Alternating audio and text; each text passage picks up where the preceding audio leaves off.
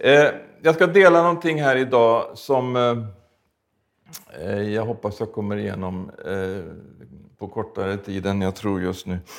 Eh, Vi är uthålliga i vårt lyssnande. ja, du kommer att sitta kvar i alla fall. Då. Ja. Nej men hörni, det är så här, det är den 6 november idag. Och, va? Ja, men det är inte det jag tänker tala om. eh, det, det stämmer. Det, det finns speciella bakelser man ska äta den här dagen också. Men det är inte heller det jag ska tala om, utan det är någonting faktiskt väldigt allvarligt som händer idag. Idag så startar en eh, konferens eh, och man samlas alltså vid Sinai berg. Och man, man ska då, det är en slags religionernas klimatkonferens. Eh, och man talar om eh, att man ska eh, alltså samla världsreligionerna. Och så ska man anta tio nya universella budord. Ni vet att eh, Sinai, det var ju den platsen där, där Mose fick de tio buden. Nu ska man alltså samlas där igen och så ska man upprätta ett nytt kontrakt, inte med Gud utan med religionerna. Och så ska man då eh, komma överens om eh, de här eh, tio budorden då. Och eh, Det här är, är, ju liksom bara en sak av allting som händer just nu. Ni har säkert hört om Agenda 2030 och, och allt eh, spök runt omkring det. Eh, men jag ska läsa några rader bara om hur man presenterar det här som börjar idag och som alltså kommer att hålla på till eh, en, ja, en och en halv vecka framåt nu. Man säger då, ja, det som mellan den 6 och 18 november 2022 kommer FNs klimatkonferens COP27 att äga rum på Sinaihalvön. Eh, religiösa samfund och religiösa ledare har en nyckelroll att spela för att ta itu med klimatförändringar och klimaträttvisa. Och så säger man här att för att åstadkomma förändring i handling kräver djupare attitydförändringar, en förändring i hjärtat. Detta har varit religionernas domän i årtusenden. Religioner är inspirationskällor för hjärtats förvandling och de efterföljande attitydförändringarna. Vi, vet, vi talade om omvändelse här igår. Men nu, nu, nu skäl man liksom begreppen, nu, nu, nu skäl man detta som har med omvändelse att göra. Man tömmer det på sitt innehåll som det har här och fyller det med någonting helt annat. Man går till Sinai berg där Gud gav oss sin lag och så liksom suspenderar man Guds lag för att ersätta med en annan lag. Man, och, och, och, man liksom vill inte ha med Gud att göra, den enda sanne guden, utan man samlar religionernas alla avgudar. Alltså, vi ser att det här liksom, det, det pekar ju verkligen mot det här slutliga upproret mot Gud själv. Och, och alltsammans det här, det lindas då in i väldigt vackra ord och man säger för att stödja, utmana och inspirera eh, så, så kommer ett helgelement eh, att hållas på berget Sinai som kommer att vara omvälvande, eh, förvandlande och ett ögonblick av inspiration för religiösa samfund och för mänskligheten. Aldrig tidigare har en sådan interreligiös klimatomvändelseceremoni genomförts. För detta ögonblick eh, och händelse mm, uppstår då ja, motivation för handling som kräver omprövning av djupt rotade attityder för att eh, identifiera sätt att omvandla eller omvända sig för jordets, jordens välbefinnande, vårt gemensamma hem.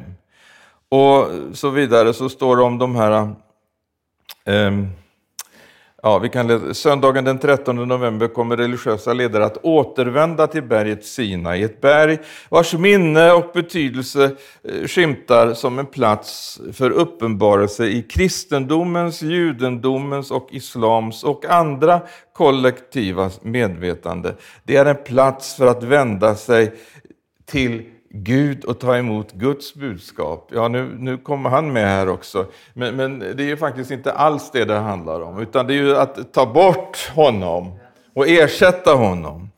Men då kanske man kan locka med några andra.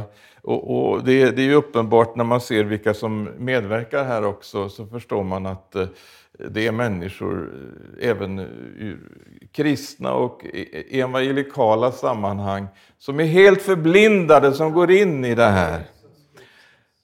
Eh, och i alla fall så ska man då, så talar man om här att det, det, det, efter den här klimatomvändelseceremonin så, så ska man då lägga fram en profetisk interreligiös lag, de tio universella budorden.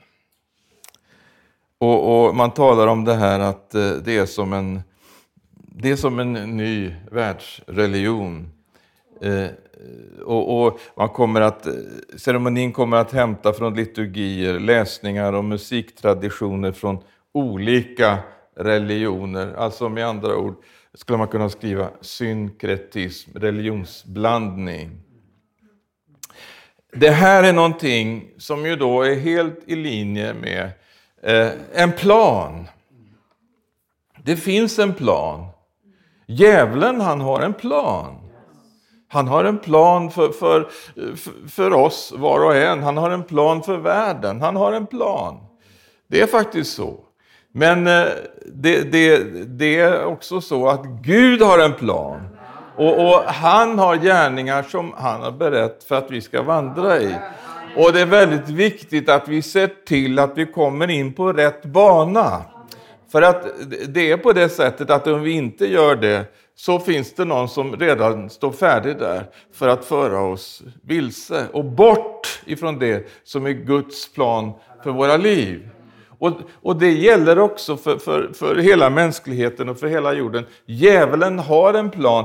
Nu, nu kan ju vi som läser Bibeln, vi kan ju se här bak i facit att eh, eh vi vann. Alltså, det, det, det, vet vi ju i förväg. Men, men fram till dess så är det ju så att eh, eh, det, det liksom, han håller på va? Och, och han vet att hans tid är kort. Och han försöker att förvilla och vilseföra så många som möjligt.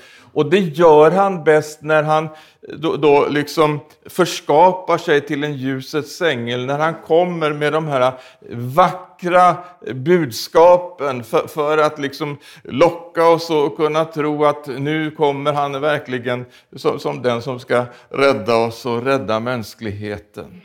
Som en mänsklighetens frälsare. Men eh, djävulen har en plan, det är ju helt uppenbart. Men jag tänkte faktiskt inte tala om den planen här idag. Utan jag tänkte tala om en annan plan. Som eh, man blir mycket gladare av att läsa om. Och det är faktiskt så att Gud har en, faktiskt en helt underbar plan. Och de sista veckorna så har det bara blivit så levande för mig. Ja, men det här är ju så stort. Och jag har funderat liksom runt en del bibelord som, som jag har läst många gånger. Och, och det handlar om församlingen. Jag har ju predikat om församlingen i snart 50 år. Och, och min pappa predikade om församlingen Eh, och min farfar gjorde det och liksom jag har hört, det har varit liksom ett av de stora teman eh, i mitt liv hela vägen. Men så, så har jag ändå läst liksom eh, vad, vad, vad Paulus talar om, om vi går till Efesierbrevet. Det, det, vi kan börja i det första kapitlet. Så står det så här att i nionde versen. Gud har låtit oss få veta sin viljas hemlighet enligt det beslut han har fattat i Kristus. Den plan som skulle genomföras när tiden var inne. Att sammanfatta allt i himlen och på jorden i Kristus. Och så om vi går fram till det tredje kapitlet, i, i, i den fjärde versen, så, så talar ju Paulus där om att han har fått insikt i Kristi hemlighet. Och så säger han att i forna generationer var den inte känd för människor så som den nu har uppenbarats genom anden för hans heliga apostlar och profeter. Och, och i åttonde versen så talar han om Kristi ofattbara rikedom. I nionde versen, planen med en hemlighet som från evighet har varit dold i Gud. Och den tionde versen, nu, halleluja, nu skulle Guds vishet i sin väldiga mångfald göras känd genom församlingen. För härskarna och makterna eh, i den himmelska världen. Detta var det eviga beslut som man förverkligade i Kristus Jesus, vår Herre. Nu skulle den här planen göras känd. Halleluja. Och Paulus han säger att det var genom uppenbarelse som han hade då fått se det här. Och de sista veckorna så har Jesus, Ge mig uppenbarelse, det som du gav till Paulus. Herre. Visa mig också lite mer av det här, vad du har tänkt med församlingen. För det kan ju bara inte vara att vi samlas så här och läser Bibeln och sjunger några sånger och fikar efteråt och går hem och säger att det var ett härligt möte. Det måste finnas någonting mer. Och, och, när jag läser det här, då förstår jag ju att det, det, det här är ju svindlande. Alltså, Gud han, han sätter fram församlingen i tre olika positioner. För det första inför världen, inför mänskligheten. Ni är världens ljus, säger han. Och eh, i Uppenbarelseboken så ser vi om de här ljusstakarna som liksom lyser. Va? Eh, eh, och, och, och det är ljuset, det finns i församlingen. Är det så att det inte finns ljus i Guds församling, då är det becksvart i världen. Därför att Gud, eh, Jesus säger så här, jag ska bygga min församling och helvetets portar ska inte bli den övermäktig. Det vill säga, vad Jesus bygger, det är inte församlingen och så är det det och så är det det och så är det det. När han säger att han ska bygga församlingen, det är det han ska bygga. Och, och, och, när han säger att han ska bygga församlingen, då är det mer än det vi liksom äh, har, när vi tittar oss runt omkring. Vi ser kyrkor, samfund, vi, vi ser allt möjligt med ett kristet förtecken, organisationer, sekter, eh, you name it. Det finns allt möjligt. Politiska organisationer med kristen, kristet förtecken. Men Jesus säger, jag ska bygga min församling. Och då blir det inte så viktigt med förpackningen och varumärken och, och, och, och, vad vi kallar oss hit och dit. Utan det är Jesu församling det handlar om. Och, då kan vi ju finnas eh, var som helst. Alltså det är frågan om detta, att, att få uppenbarelse som Paulus talar om här. Att se Gud, vad vill du med din församling? Och, och, då känner jag Jesus, vi får verkligen ödmjukt böja oss inför dig och verkligen eh, be dig Herre, hjälp oss, eh, eh, ge oss ett reningens bad i kraft av ordet så att vi får den här uppenbarelsen, att vi kommer förutsättningslöst in i Guds ord och läser och, och ser, Herre, det är ju det här du har tänkt. Halleluja. Så att när jag har läst de sista veckorna då, då, då, är det olika saker som jag känner att eh, Herren eh, liksom, eh, ja, man kanske har eh, sett det delvis tidigare också, men det är precis som att Herren har gjort det levande. När man ser. Men vi har ju också talat om det här att, att församlingen jag kan bara nämna det vi nämnde igår, och att församlingen, liksom det är den här platsen där Herrens härlighet ska uppenbaras. Vi nämnde om, om de här olika förebilderna som vi har i Gamla Testamentet, tabernaklet, templet. När allting var byggt efter mönsterbilden, när Mose hade gjort det, när Salomo hade gjort det. Halleluja! Då står det att himlen sanktionerade och Herrens härlighet uppfyllde templet, uppfyllde tabernaklet. Halleluja! Så det är det det handlar om. När Gud liksom eh, sen då, eh, när församlingen föds, när vi ser det i nya, nya förbundet, så ser vi ju att vad det handlar om, precis som i Gamla Testamentet, Herrens härlighet uppfyllde, uppfyllde.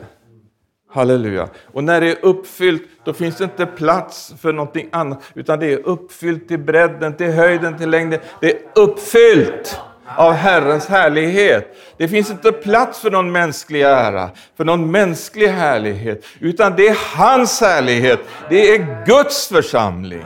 Och, och det är därför församlingen, den är, det är, jag vet inte vad jag ska använda för ord, men det är som en slags cistern, en behållare. Ett kärl för att Gud ska kunna fylla med sin härlighet. Därför att han vill bo han vill bo ibland sitt folk.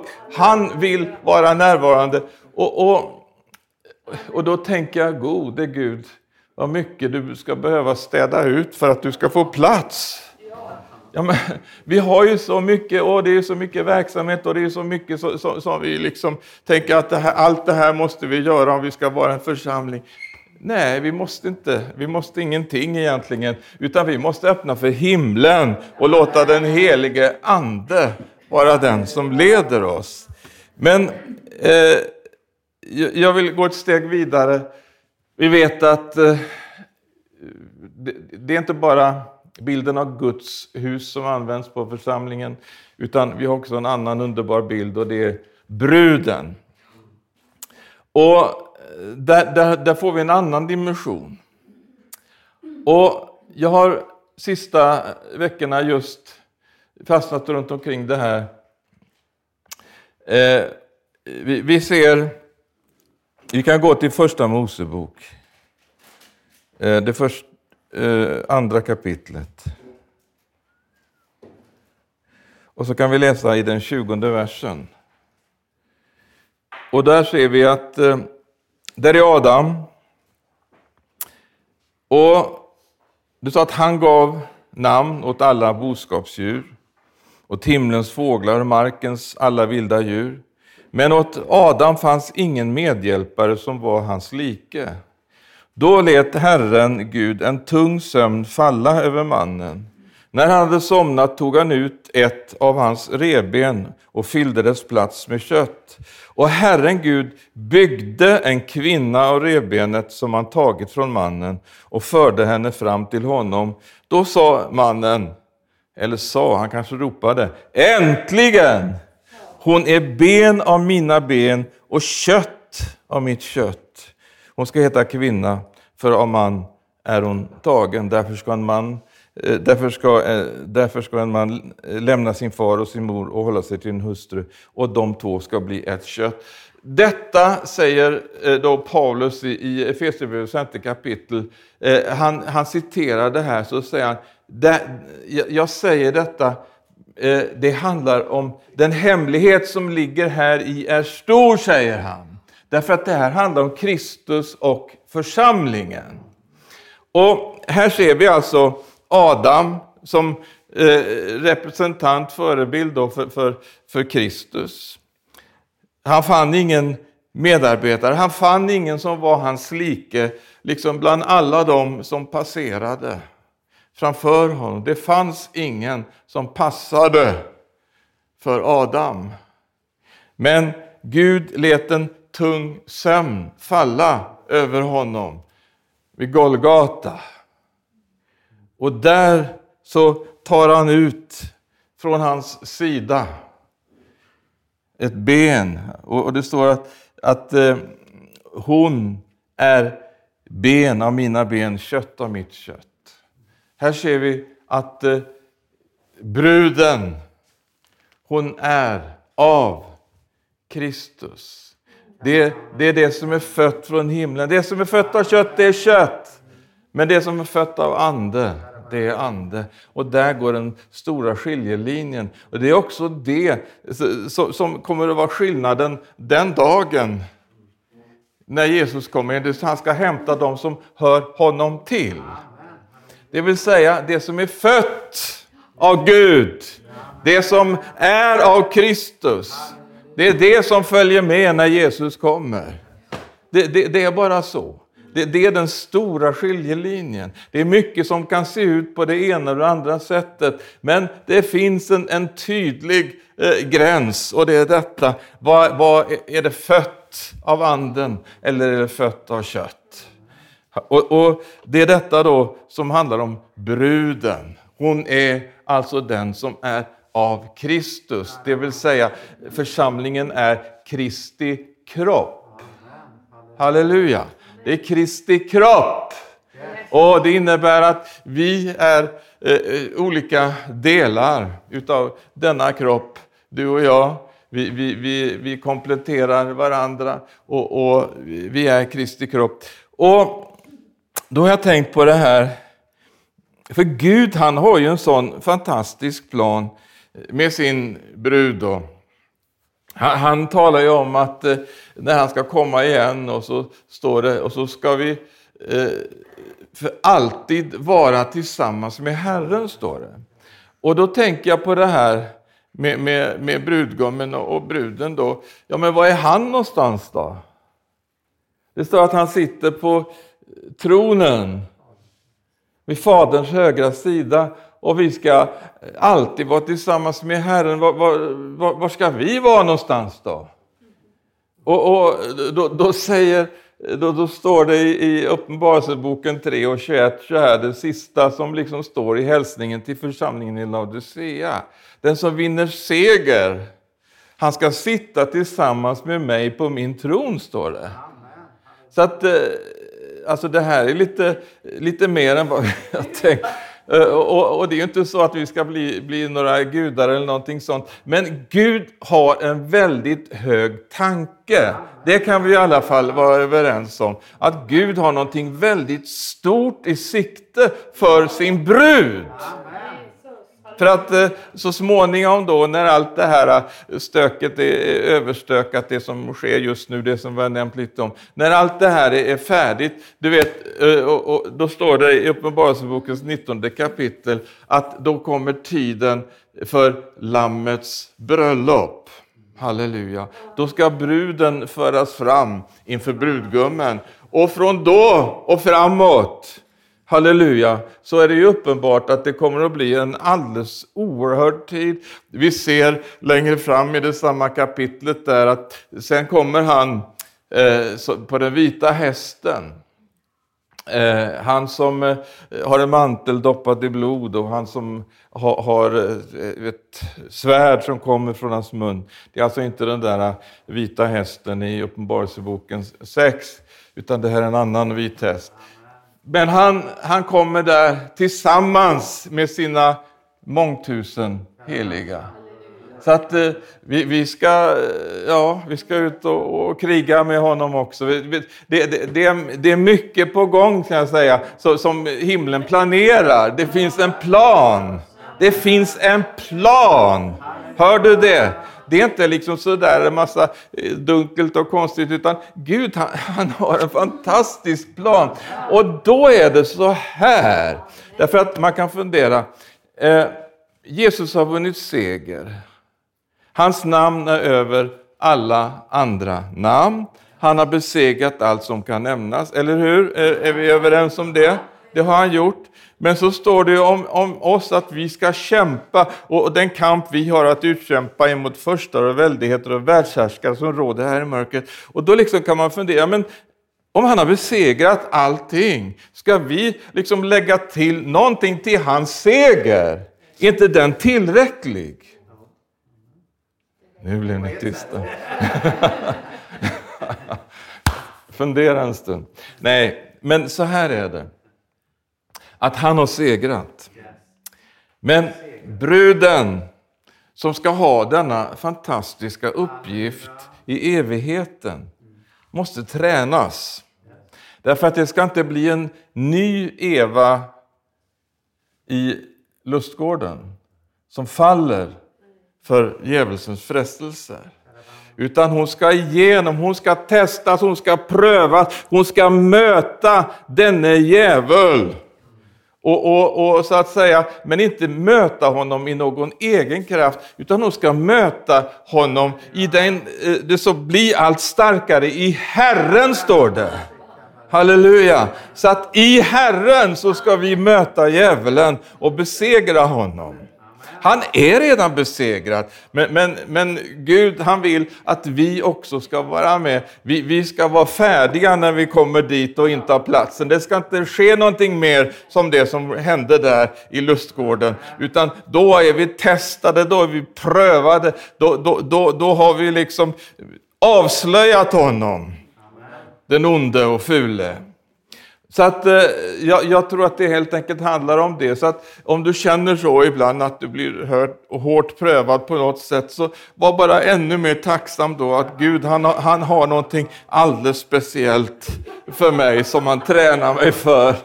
Han har någonting som, som han håller på att förbereda mig för nu. Halleluja! Och, och du vet, eh, vi får också ta ut segrarna här på jorden. Halleluja! Vi, vi, vi, får se det, vi får tränas både i, i, i, kampen och striden men också i de här fantastiska triumferna och segrarna. Ja, men Gud, du är fantastisk, du är underbar Jesus! När vi ser liksom saker och ting ske runt omkring oss som, som liksom bara, det så, han gör långt mer än vad vi kan be eller tänka. Och han gör det! Han är en Gud som liksom kommer med överraskningar. Det, det, det, är inget tungt liv. Oh, liksom, ja, jag är kristen. Ja, ja. Nej, det, det, finns ingenting sånt, utan det är glädje. Det är glädje. Och det är en underbar segervisshet, därför att vi läser det här ordet och så ser vi att, eh, att jaha, ja nu håller han på med det där, ja, det står ju om det här också, att han, att han liksom ska försöka i ändens tid och, och, och, och det står om förstarna kommer tillsammans och, och, och de gör uppror mot sonen. Ja, nu är, nu är vi där, vi kan liksom se det här eh, tidsschemat. Vi kan läsa förresten i andra andra Thessalonikerbrevet. Eh, I, den, I det andra kapitlet.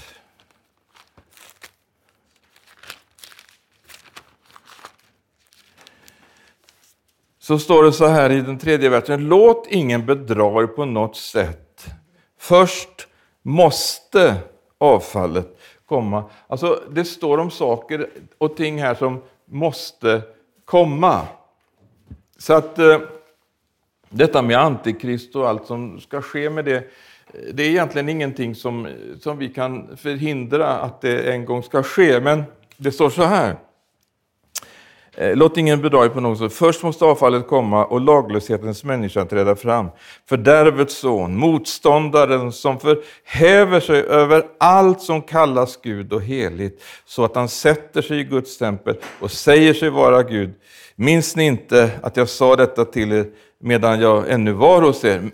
Om ni vet, och ni vet vad det är som håller honom tillbaka, så att han kan träda fram först när hans tid kommer. Han får också en tid, men det är en kort tid. Men hans tid, det finns också med i, i den här kronologin. Hans tid. Och, och, eh, en del säger att det är sju år, andra tre och ett halvt år. Men det är ingen lång tid jämfört med evigheten. Men han får spela ut liksom allt han har. Va? Han får tömma sina arsenaler och, och sina förråd. Sen, sen är det färdigt med honom. Amen. Halleluja! Då vet vi vad som gäller. Och, och, det är så fantastiskt. En del tänker så här att ja, ja, men det är liksom en kamp mellan Gud och djävulen och det står liksom så här och väger och, och, och så här tänker man. Men snälla någon, djävulen är bara en ängel. Han är en ängel. Han är inte på nivå med Gud. Utan en dag när Gud tycker att nu, nu har de testats färdigt, eh, då, då säger han till en av änglarna, gå och hämta djävulen. och ta honom och släng honom i eldsjön. Alltså en ängel. Det är inte Gud som, som behöver göra det här, utan eh, när Gud bestämmer, när tiden är inne, att det är slut med honom, då, då tar han en ängel för att bara eh, göra det här. Så att eh, vi måste få perspektiven. Vi måste kunna se vad är det som handlar om. Och, och när Jesus säger det här, när vi liksom första gången då hör talas om vad, vad Jesus vill göra. Jag ska bygga min församling och helvetets portar ska inte bli den övermäktig. Och så säger han i samma sammanhang, där, både i det 16 och i, i det 18 kapitlet i Matteus, att eh, det ni binder på jorden, det ska vara bundet i himlen. Det ni löser på jorden, det ska vara löst i himlen. Alltså han ger en aut auktoritet till församlingen. Och när vi börjar liksom få tag i det här och förstå liksom hur stor den här planen är som Gud har för oss och börjar att, att gå in i det här och förstå att, att eh, eh vilken position han, han, han, har ställt församlingen i. Det, det, är ju alldeles oerhört. Han ställer fram församlingen inför makterna och myndigheterna för att liksom demonstrera sin mångfaldiga visdom. Nu skulle Guds vishet i sin väldiga mångfald göras känd genom församlingen för härskarna och makterna i den himmelska världen. Alltså, Gud vill använda församlingen på det här sättet. Ja, men, han ställer fram församlingen inför världen, inför försten av väldigheterna. Och en dag, halleluja, skall hon ställas fram inför Kristus som hans brud. Och inta den här platsen. Och jag tror så här, att hela skapelsen, allting från början till slut, det handlar just om detta. Det handlar om det att, att sonen ska få en brud. En brud till brudgummen. Det, det är det vad hela världshistorien handlar om. Det är det vad som talas om i första kapitlen i första Mosebok. Så ser vi det att det, det handlar om det. Att att det, det, är inte gott för mannen att vara alena. Det är inte gott för Kristus att vara alena. Det, det, man väntar på halleluja. Det ska, det ska till någon mer där. Och, och det är det som liksom hela vägen leder fram. Om du läser Bibeln med, med, med liksom den utgångspunkten och ser alla de här olika tillfällena då det här liksom skymtar fram. Det kan vara i, i olika händelser, olika personer som liksom, alltså det är så otroligt. Abraham skickar iväg sin tjänare till landet långt där borta för att hämta en brud åt Isak. Vad talar det om? Det berättar för oss om det här redan på ett tidigt stadium. Du kan läsa vidare, eh, jag hinner inte gå in på det nu, men det som finns så många ställen. Det går som en röd linje och så slutar det i slutet av Uppenbarelseboken med Lammets bröllop. Halleluja. Så det är Guds eviga plan. Och när vi liksom börjar få lite perspektiv och, och, och, och liksom får blicka in lite grann i, i det här som har med uppenbarelsen om vad församlingen är, då förstår vi att, att det, det, är inte så litet. Vi kan titta på varandra, ja vi är inte så många och vi har ingen vacker kyrka och, och vi har inga egentligen, eh, ja vi har ingenting. Men vi har ju allt. Amen. Därför att vi har ju Jesus. Amen. Och vi har blivit delaktiga av en himmelsk kallelse. Det är det största som kan hända i den här världen. Och därför så låt oss inte liksom se ner på det här att, att och nu samlas vi två eller tre på bönemötet. Ja men Jesus är ju där. Där två eller tre är samlade, där är jag, säger han mitt ibland dem. Jaha, så att det, är det inte för litet för honom så kanske det inte ska vara för litet för oss heller då. Därför att det, det är så här, de här bönemötena. Halleluja! Alltså det som händer i Sverige idag. Det som är mycket viktigare än vem som sitter i regeringen eller riksdagen eller, eh, vilka som har olika politiska eller andra eh, positioner i samhället. Det är de här små bönemötena. Som, som eh, mitt i veckan så samlas man i, i kyrkor och kapell eller i, i, i, i, i något hem, hemma hos eh, eh Maria eller Olle eller någon. Men man samlas liksom eh, omkring detta eh, att man ropar till Gud, man ber för sitt land. Man, man, man ber, Herre, ske din vilja så som i himmelen, så och på jorden. Halleluja. Och så småningom så, så börjar det hända saker. Man ser, halleluja. Och man gör Jesus till Herre. Och så kan han börja verka.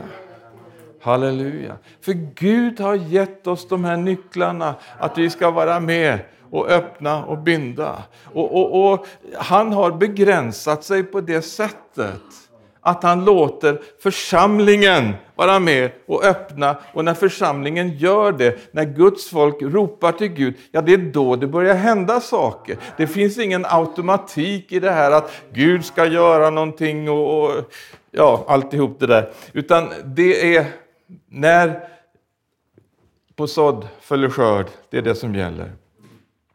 Och Så att det som sker i stugorna runt omkring. Jag ser det här som en...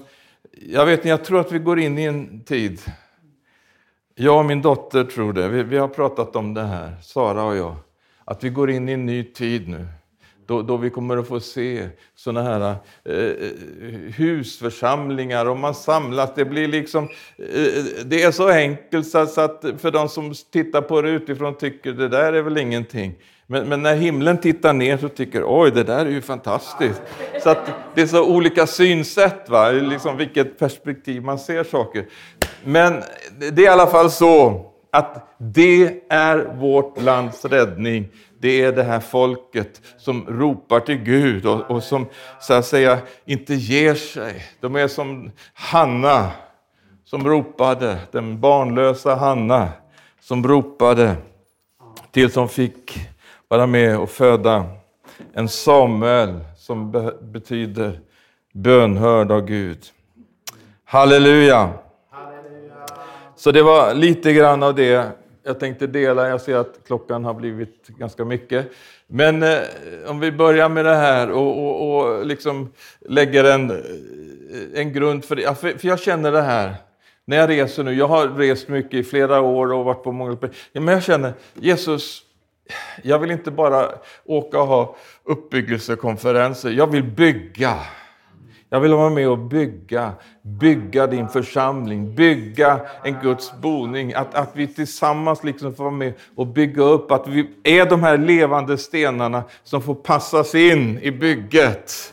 Halleluja! Så att det får byggas någonting. Så att Guds härlighet kan komma ner över det här landet igen.